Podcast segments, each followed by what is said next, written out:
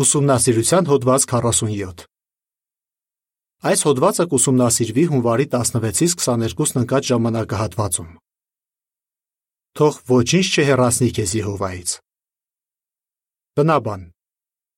Ես քեզ եմ վստահում, ով Եհովա։ Սաղմոս 31:14 Երկ 122 Լինենք հաստատուն անցասան Այս հոդվածում Այս վերջին օրերում դիմանալու եւ Եհովային հավատարիմ մնալու համար մենք պետք է շարունակ վստահենք նրան եւ նրա կազմակերպությանը։ Սատանան ձգտում է տարբեր փորձությունների եւ դժվարությունների միջոցով թուլացնել այդ վստահությունը։ Հոդվածից կիմանանք, թե ինչ երեք մեթոդներ է նա օգտագործում եւ թե ինչպես կարող ենք հակազդել նրան։ Բարբերություն 1 Հարց. Ինչու ենք ասում, որ Եհովան ցանկանում է մտերմանալ մեզ հետ։ Եհովան ուզում է, որ մտերիմ լինենք իր հետ։ Նա ցանկանում է լինել մեր Աստվածը, Հայրը եւ ընկերը։ Եհովան պատասխանում է մեր աղոթքներին եւ դժվարությունների ժամանակ միշտ մեր կողքին է։ Բացի այդ, նա իր կազմակերպության միջոցով կրթում եւ պաշտպանում է մեզ։ Իսկ մենք ինչ կարող ենք անել, որ մտերմանանք նրա հետ։ Բարբերություն 2 Հարց. Ինչպես կարող ենք մտերմանալ Եհովայի հետ։ Մենք կմտերմանանք Եհովայի հետ, եթե աղոթենք նրան, կարդանք նրա խոսքը եւ խորհրդացենք նրա շուրջ։ Այդպես մեր սրտերը կլցվեն սիրով ու երախտագիտությամբ, եւ մենք կմղվենք հնազանդվելու Աստուն եւ նրան տալու այն փառքը, որին արժանի է։ Որքան լավ ճանաչենք Եհովային, այնքան ավելի շատ կվստահենք նրան ու այն կազմակերպությանը, որը նա հիմնել է մեզ օգնելու համար։ Պարբերություն 3 Հարց Ինչպես է սատանան փորձում հեռացնել մեզ Եհովայից, բայց ինչը կօգնի, որ երբեք երես չթեքենք Աստծուց եւ նրա կազմակերպությունից։ Սաղմոս 31:13 եւ 14 Սատանան ցանկանում է հեռացնել մեզ Եհովայից։ Նա դա անում է հատկապես այն ժամանակ, երբ դժվարությունների ենք բախվում։ Իսկ ինչ մարտավարություն է նա օգտագործում։ Սատանան փորձում է աստիճանաբար թուլացնել մեր վստահությունը Եհովայի եւ նրա կազմակերպության հանդեպ։ Բայց մենք կարող ենք դիմադրել նրան։ Եթե մեր հավատն ու վստահությունը ամուր լինի Եհովայի հանդեպ, մենք երբեք երես չենք թեքի նրանից ու նրա կազմակերպությունից։ Կարդանք Սաղմոս 31:13-ը եւ 14-ը։ Որովհետև շատերի չարախոսություններ եմ լսում, բոլոր կողմերից վախը պատել է ինձ։ Երբ նրանք մեկտեղ իմ դեմ են հավաքվում, խորում են թե ինչպես կորցնեն հոգիս։ Բայց ես քեզ եմ վստահում, ով Եհովա, եւ ասում եմ. Դու ես իմ Աստվածը։ Բարբերություն 4 Հարց Ինչ են քննելու այս հոդվածում։ Հոդվածում կքննենք 3 դժվարություն, որոնց բախվում ենք ժողովից դուրս, եւ որոնք կարող են թուլացնել մեր վստահությունը Եհովայի եւ նրա կազմակերպության հանդեպ։ Կիմանանք, թե դրանցից յուրաքանչյուրը ինչպես կարող է հեռացնել մեզ Եհովայից, եւ թե մենք ինչ կարող ենք անել, որպեսզի հակազդենք սատանայի հարձակումներին։ Երբ խնդիրների ենք բախվում։ Բարբերություն 5 Հարց. Դժվարություններն ինչպես կարող են թույլատրել մեր վստահությունը Եհովայի եւ նրա կազմակերպության հանդեպ։ Մենք ժամանակ առ ժամանակ տարբեր խնդիրներ ենք ունենում, Օրինակ, հնարավոր է հալածվենք մեր ընտանիքի անդամների կողմից կամ կորցնենք մեր աշխատանքը։ Նման դժվարությունները ինչպես կարող են թույլատրել մեր վստահությունը Եհովայի կազմակերպության հանդեպ եւ հեռացնել մեզ նրանից։ Երբ խնդիրը ձգձգվում է, գուցե հուսահատվենք եւ ընկնենք վհատության գիրկը։ Այդպիսի դեպքերում սատանան օգտվում է առիթից եւ փորձում է այնպես անել, որ մտածենք, թե Եհովան մեզ չի սիրում։ Նա ուզում է, որ սկսենք մտածել, թե մեր դժվարությունների պատճառը Եհովան ու նրա կազմակերպությունն են։ Նման բան եղավ Եգիպտոսում ապրող որոշ իսրայելացիների հետ։ Սկզբում նրանք ընդունում էին, որ Եհովան Մովսեսին ու Ահարոնին է նշանակել, որ ազատեն իրենց դժգությունից։ Բայց հետագայում, երբ Փարավոնը ծանրացրեց նրանց կյանքը, նրանք Մովսեսին ու Ահարոնին մեղադրեցին իրենց խնդիրների համար, ասելով. Դուք մեզ գարշելի դարձրիք Փարավոնի ու նրա ծառաների առաջ, եւ նրանց ձեռքը սուր տվեցիք, որ սپانեն մեզ։ Ելքինգի 19-ից 21։ Որքան ցավալի է, որ իրենց տարապանքի համար նրանք մեղադրեցին Աստու այդ նվիրված սառաներին։ Եթե երկար ժամանակ է ինչ դժվարությունների միջով ես անցնում, ինչ կարող ես անել, որ չկորցնես վստահությունը Տիհովայի եւ նրա կազմակերպության հանդեպ։ Բարբերություն 6 Հարց. Ինչ ենք սովորում ամբակու մարգարեից։ Ամբակում 3-ի 17-ից 19-ը։ Սիրտը դատարկիր Եհովայի առաջ եւ սпасիր նրա օգնությանը։ Ամբակում արքարեն շատ դժվարություններ ուներ։ Մի պահ նա նույնիսկ կասկածեց, թե արդյոք Եհովան իսկապես հոգ է տանում իր մասին։ Ոստի դատարկեց իր սիրտը Եհովայի առաջ, ասելով. Ով Եհովա, ինչքան պիտի աղերսեմ օգնության համար, եւ դու չլսես։ Ինչու ես ինչ շարիկ տեսնել տալիս ու նայում ամբարշտությանը։ Ամբակում 1-2 եւ 3 Եհովան լսեց ու պատասխանեց իր նվիրված Սարայի սրտաբուխ աղոթքին։ Խորթացելով այն մասին, թե անցյալում Եհովան ինչպես է փրկել իր ժողովրդին, ամբակումը վերագտավ ուրախությունը։ Նա լսվեց համոզվածությամբ, որ Եհովան հոգ է տանում իր մասին եւ կօգնի հաղթահարել ցանկացած փորձություն։ Կարդանք ամբակում 3:17-ից 19։ Նույնիսկ եթե թզենին չծաղկի ու ворթատունքի վրա պտուղ չլինի, նույնիսկ եթե զիթենին բեր չտա եւ դարավանդները կերակուր, նույնիսկ եթե հոտերին դուրս անեն փարախներից եւ ցանկապատի հետևում նախիրս չլինի, ես միևնույն է կցնծամ Եհովայով, կուրախանամ իմ փրկության ասով։ Գերիշխան Տեր Եհովան իմ զորությունն է։ Նա իմ ոտքերը եղնիկի ոտքերի պես կդարձնի եւ ինձ բարձր տեղերով կքայլեսնի։ Ինչ ենք սովորում ամբակումից։ Դժվարությունների բախվելիս աղոթիր Եհովային եւ ասա նրան, թե ինչ ես զգում։ Հետո սպասիր նրա պատասխանին։ Եթե այդպես վարվես, կարող ես համոզված լինել, որ Եհովան կտա քեզ անհրաժեշտ զորությունը, որ เป զի կարողանաս դիմանալ։ Եվ երբ զգաս նրա աջակցությունը, հավատդ ավելի կամրանա։ Բարբերություն 7 Հարց. Ինչ փորձեց անել Շերլի հարազատներից մեկը, բայց ինչն օգնեց քրոջը չկորցնել հավատը Եհովայի հանդեպ։ Շարունակիր հոգևոր գործերով զբաղվել։ Գտնենք Շերլի անունով մի քրոջ օրինակը, ով ապրում է Պապուա Նոր Գվինեայում։ Եվ տեսնենք, թե հոգևոր գործերով զբաղված մնալը ինչպես է օգնել նրան դժվարությունների ժամանակ։ Շերլի ընտանիքը աղքատ էր, եւ երբեմն նրանք հազիվ էին կարողանում օրվա հաց հայթայթել։ Մի անգամ Շերլի հարազատներից մեկը, փորձելով թույլատնել նրա վստահությունը Եհովայի հանդեպ, ասաց. Դու ասում ես, թե Աստծո Սուրբ Ոգին օգնում է քեզ, բայց ո՞ւր է այդ օգնությունը։ Քո ընտանիքը աղքատության մեջ է ապրում, իսկ դու ժամանակդ քարոշության վրա ես վատնում։ Շերլին անկեղծորեն ասում է, թե ինչ ազդեցություն թողեցին այդ խոսքերն իր վրա։ Ես ինքս ինձ հարցրի. Իրոք Աստված հոգ է տանում մեր մասին։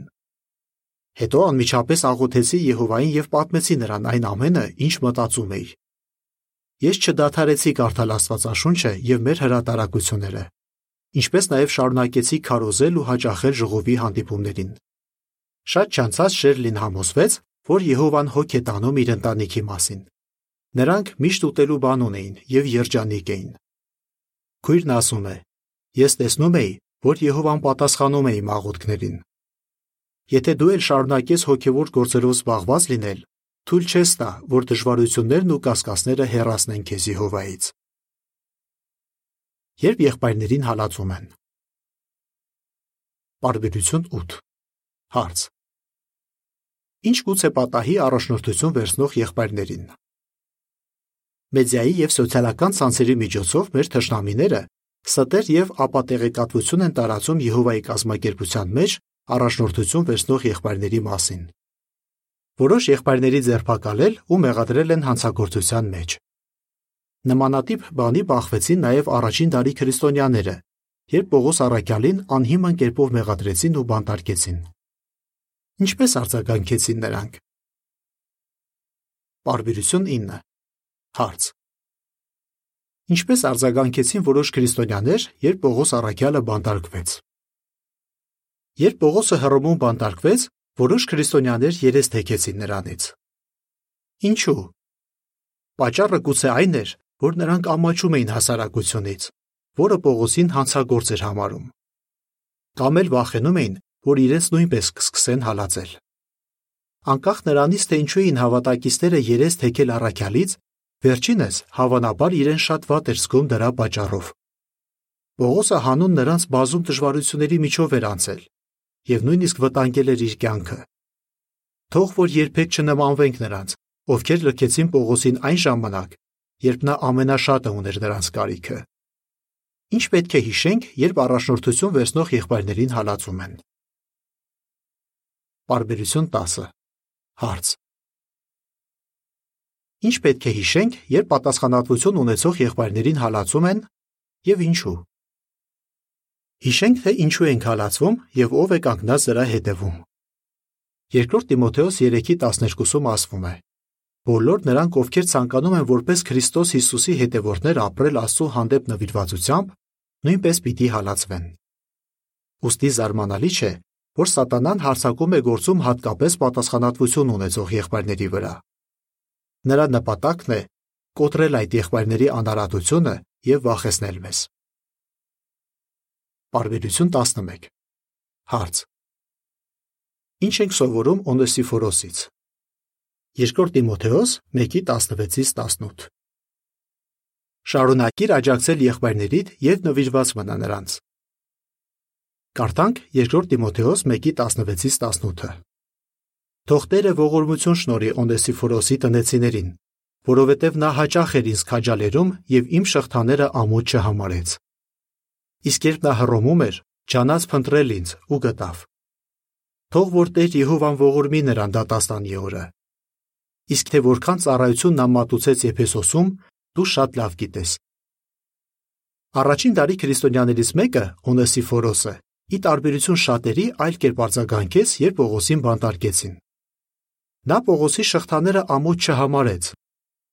Օնեսիֆորոսը փնտրեց Պողոսին եւ երբ գտավ նրան, գործնական օգնություն ցուցաբերեց, թեև այդպես վարվելով վտանգի էր ենթարկում իր կյանքը։ Ինչ ենք սովորում նրա օրինակից։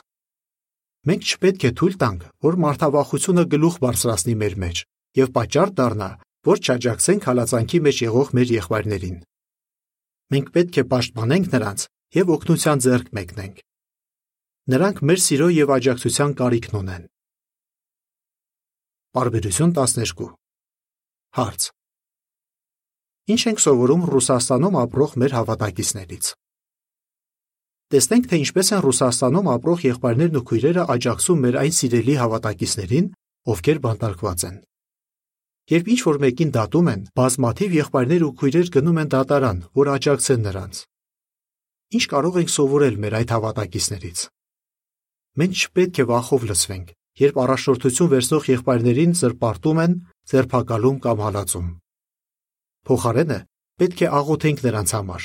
հոգ տանենք նրանց ընտանիքի անդամների մասին եւ այլ գործնական կերպեր փնտրենք, որպեսզի օգնենք նրանց։ Պարբերություններին կից նկարի մակագրության մեջ ասվում է. Թեև Պողոսը բանտարկված էր, բայց Օնեսիֆորոսը քաջաբար աջակցում էր նրան։ Այսօր մեր եղբայրներն ու քույրերը աջակցում են իրենց բանտարկված հավատակիցներին, ինչպես օրինակ պատկերված է նկարում։ Երբ մեզ ծաղրում են։ Պարբերություն 13 Հարց.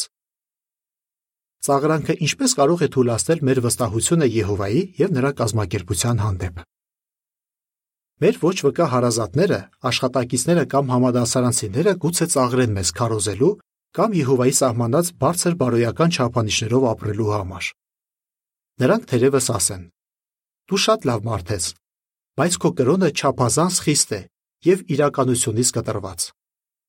Ոմանք էլ քննադատում են մեզ այն բանի համար, որ չենք շփվում ընկերակցությունից զրկվածների հետ։ Նրանք գուցե ասեն. Ինչպես եք ասում, թե սիրում եք մարդկանց։ Նման մտքերը կարող են կասկածներ սերմանել մեր սրտում, եւ մենք գուցե սկսենք այսպես մտածել. Գուցե Եհովան չափից շատ բան է պահանջում ինձանից։ Նրա կազմակերպությունը չափազանց խիստ չէ։ Եթե հայտնվել ես նման իրավիճակում, ինչ կարող ես անել, որ մոտ մնաս Եհովային եւ նրա կազմակերպությանը։ Պարբերություն 14 Հարց. Ինչ պետք է անենք, երբ մարդիկ ծաղրում են մեզ Եհովայի չափանիշներով ապրելու համար։ Սաղմոս 119-ի 50-ից 52 Կարճած մնա Եհովայի սահմանած չափանիշներին։ Հոբը կարճած մնաց Ասու չափանիշներին, չնայած որ նրան ծաղրում էին դրա համար։ Հոբի այսպես կոչված ընկերներից մեկը նույնիսկ փորձեց համոզել նրան, որ Ասու համար միևնույն է, նա հետևում է իր տված չափանիշներին, թե ոչ։ Բայց Հոբը չհավատաց նման ստերի։ Նա գիտեր, որ ճշտի ու սխալի վերաբերյալ Եհովայի չափանիշները լավագույնն են, եւ վճռել էր կարճած մնալ դրանց։ Հոբը ուրիշների պատճառով չթողեց իր անարատությունը։ Ինչ ենք սովորում։ Թույլ մի դուր, որ ծաղրանքը մղի քեզ կասկածելու, թե արդյոք արժե հետևել Եհովայի տված չափանիշներին։ Մի պահ հետ նայիր քո ապրած կյանքին։ Ամենայն հավանականությամբ շատ անգամներ ես համոզվել, որ ճշտի ու սխալի վերաբերյալ Եհովայի տված չափանիշներին հետևելը լավ է անդրադառնում քո կյանքի վրա վճռիր թիկուն կանգնել այն կազմակերպությանը, որը առաջնորդվում է այդ չափանիշներով։ Այդ դեպքում մարդիկ ինչքան էլ ծաղրեն քեզ, միևնույն է, չեն կարողանա հեռացնել քեզ Եհովայից։ Կարդանք Սաղմոս 119-ի 50-ից 52-ը։ Սա է իմ մխիթարությունը իմ նեղության մեջ, որովհետև քո խոսքերը պահպանեցին իմ կյանքը։ Հանդունկն մարդիկ չափից շատ ինձ ծաղրեցին, բայց քո օրենքից ես չշեղվեցի։ Հիշում եմ քո դատավճիրները, որ հավիտենից են, ով Եհովա, եւ մխիթարություն եմ գտնում։ Արբերության դակից նկարի մակագրության մեջ ասվում է. Հոբը չհավատաց իր այսպես կոչված ընկերների ստերին, ովքեր ծաղրում էին իրեն։ Փոխարենը վճռեց նվիրված մնալ Եհովային։ Բարբերություն 15 Հարց. Ինչու էին Բրիջիտին հալածում եւ ծաղրում։ Քննենք Բրիջիտ անունով մի քրոջ օրինակը, ով ապրում է Հնդկաստանում։ Նրա ընտանիքի անդամները ծաղրում էին նրան իր հավատի համար։ Քույրը մկրտվել է 1997 թվականին։ Դրանից շատ չանցած նրա ամուսինը կորցրեց աշխատանքը եւ որոշեց ընտանիքով տեղափոխվել ապրելու ծնողների հետ, ովքեր բնակվում էին մեկ այլ քաղաքում։ Բայց Բրիջիտին ավելի մեծ դժվարություններ էին սպասում։ Քանի որ նրա ամուսինը աշխատանք չուներ, Նա ստիպված էր ամբողջ օրը աշխատել, որ เป զի հոգար իրենց ընտանիքի կարիքները։ Բացի այդ, ամենամոտ ժողովը գտնվում էր մոտ 350 կիլոմետր 220 մաղոն հեռավորության վրա։ Դեռ ավելին, նրա ամուսնու ընտանիքը հալածում էր նրան իր հավատի համար։ Իրավիճակն այնքան սրվեց, որ Բրիջիտի ընտանիքը ստիպված էր կրկին տեղափոխվել։ Որոշ ժամանակ անց նրա ամուսինը անսպասելիորեն մահացավ։ Դրանից հետո քաղցկեղից մահացավ նրա աղջիկներից մեկը, ով ընդամենը 12 տարեկան էր։ Իսկ Բրիջիտի բարեկամները ասես աղ էին լսում նրա վերքի վրա, նրան մեղադրելով այդ ամենի համար։ Նրանք ասում էին, որ եթե Բրիջիտը Եհովայի վկա չդառնար, նման դժբախտություններ չէին լինի։ Այդուհանդերձ Մերկուրը չկորցրեց վստահությունը Եհովայի հանդեպ ու չհեռացավ նրա կազմակերպությունից։ Բարբերություն 16 Հարց. Բրիջիտն ինչպես օրհնվեց Եհովային եւ նրա կազմակերպությանը կարճած մնալու համար։ Քանի որ Բրիջիտը շատ հեռու էր ապրում հանդիպումների անցկացման վայրից, շրջանային վերակացուն հորդորեց նրան, որ իր տանը ժողովանի, ինչպես նաև քարոզի այն տարածքում, որտեղ ապրում է։ Սկզբում քույրը մտածեց, թե դա իր ուժերից վեր է, բայց հետևեց տրված առաջնորդությանը։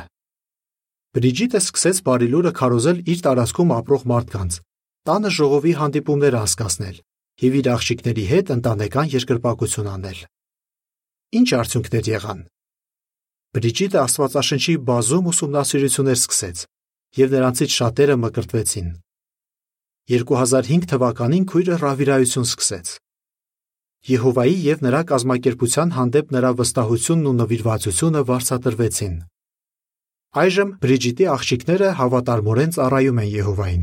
եւ այն տարածքում, որտեղ նա ապրում է, երկու ժողով կա։ Քույրը համոզված է, որ Եհովան է ուժ տվել իրեն հաղթահարելու դժվարությունները եւ դիմանալու ընտանիքի կողմից եկող հալածանքին ու ծաղրանքին։ Նվիրված մնա Եհովային եւ նրա կազմակերպությանը։ Բարբերություն 17 Հարց. Ինչ պետք է վճռենք անել։ Սատանան ուզում է, որ մտածենք, թե Եհովան լքում է մեզ մեր դժվարությունների ժամանակ, եւ որ Աստծո կազմակերպությանը աջակցելով մենք միայն բարթացնում ենք մեր կյանքը։ Սրբարտելով, հալածելով եւ բանտարկելով առաջնորդություն վերցնող եղբայրներին նա ուզում է վախեցնել մեզ։ Իսկ սաղրանքի միջոցով նա ցանկանում է թույլատնել մեր վստահությունը Եհովայի չափանիշների ու նրա կազմակերպության հանդեպ։ Բայց մենք տեղյակ ենք սատանայի չար մտադրություններին։ Նա չի կարող խაფել մեզ։ Ոստի մերժիր նրա ստերը եւ նվիրված մնա Եհովային ու նրա կազմակերպությանը։ Հիշիր, Եհովան երբեք չի լքի քեզ։ Ուրեմն թույլ մի տուր, որ որևէ բան հեռացնի քեզ Եհովայից։ Բարբերություն 18 Հարց. Ինչ ենք քննելու հաջորդ հոդվածում։ Այս հոդվածից իմացանք, թե ժողովից դուրս ինչ դժվարությունների գուցե բախվենք։ Բայց Եհովայի եւ նրա կազմակերպության հանդեպ մեր վստահությունը կարող է փորձվել նաեւ ժողովի ներսում առաջացող խնդիրների պատճառով։ Ինչպես կարող ենք հաջողությամբ հաղթահարել դրանք։ Այդ մասին կիմանանք հաջորդ հոդվածից։ Կրկնության հարցեր։ Ինչպես կարող ենք մոտ մնալ Եհովային եւ նրա կազմակերպությանը, երբ դժվարությունների ենք բախվում, երբ եղբայրներին հալածում են, երբ ծաղրանքի ենք ենթարկվում։ Երկ 118 Ավելացրու մեր հավատը Հոդվացի ավարտ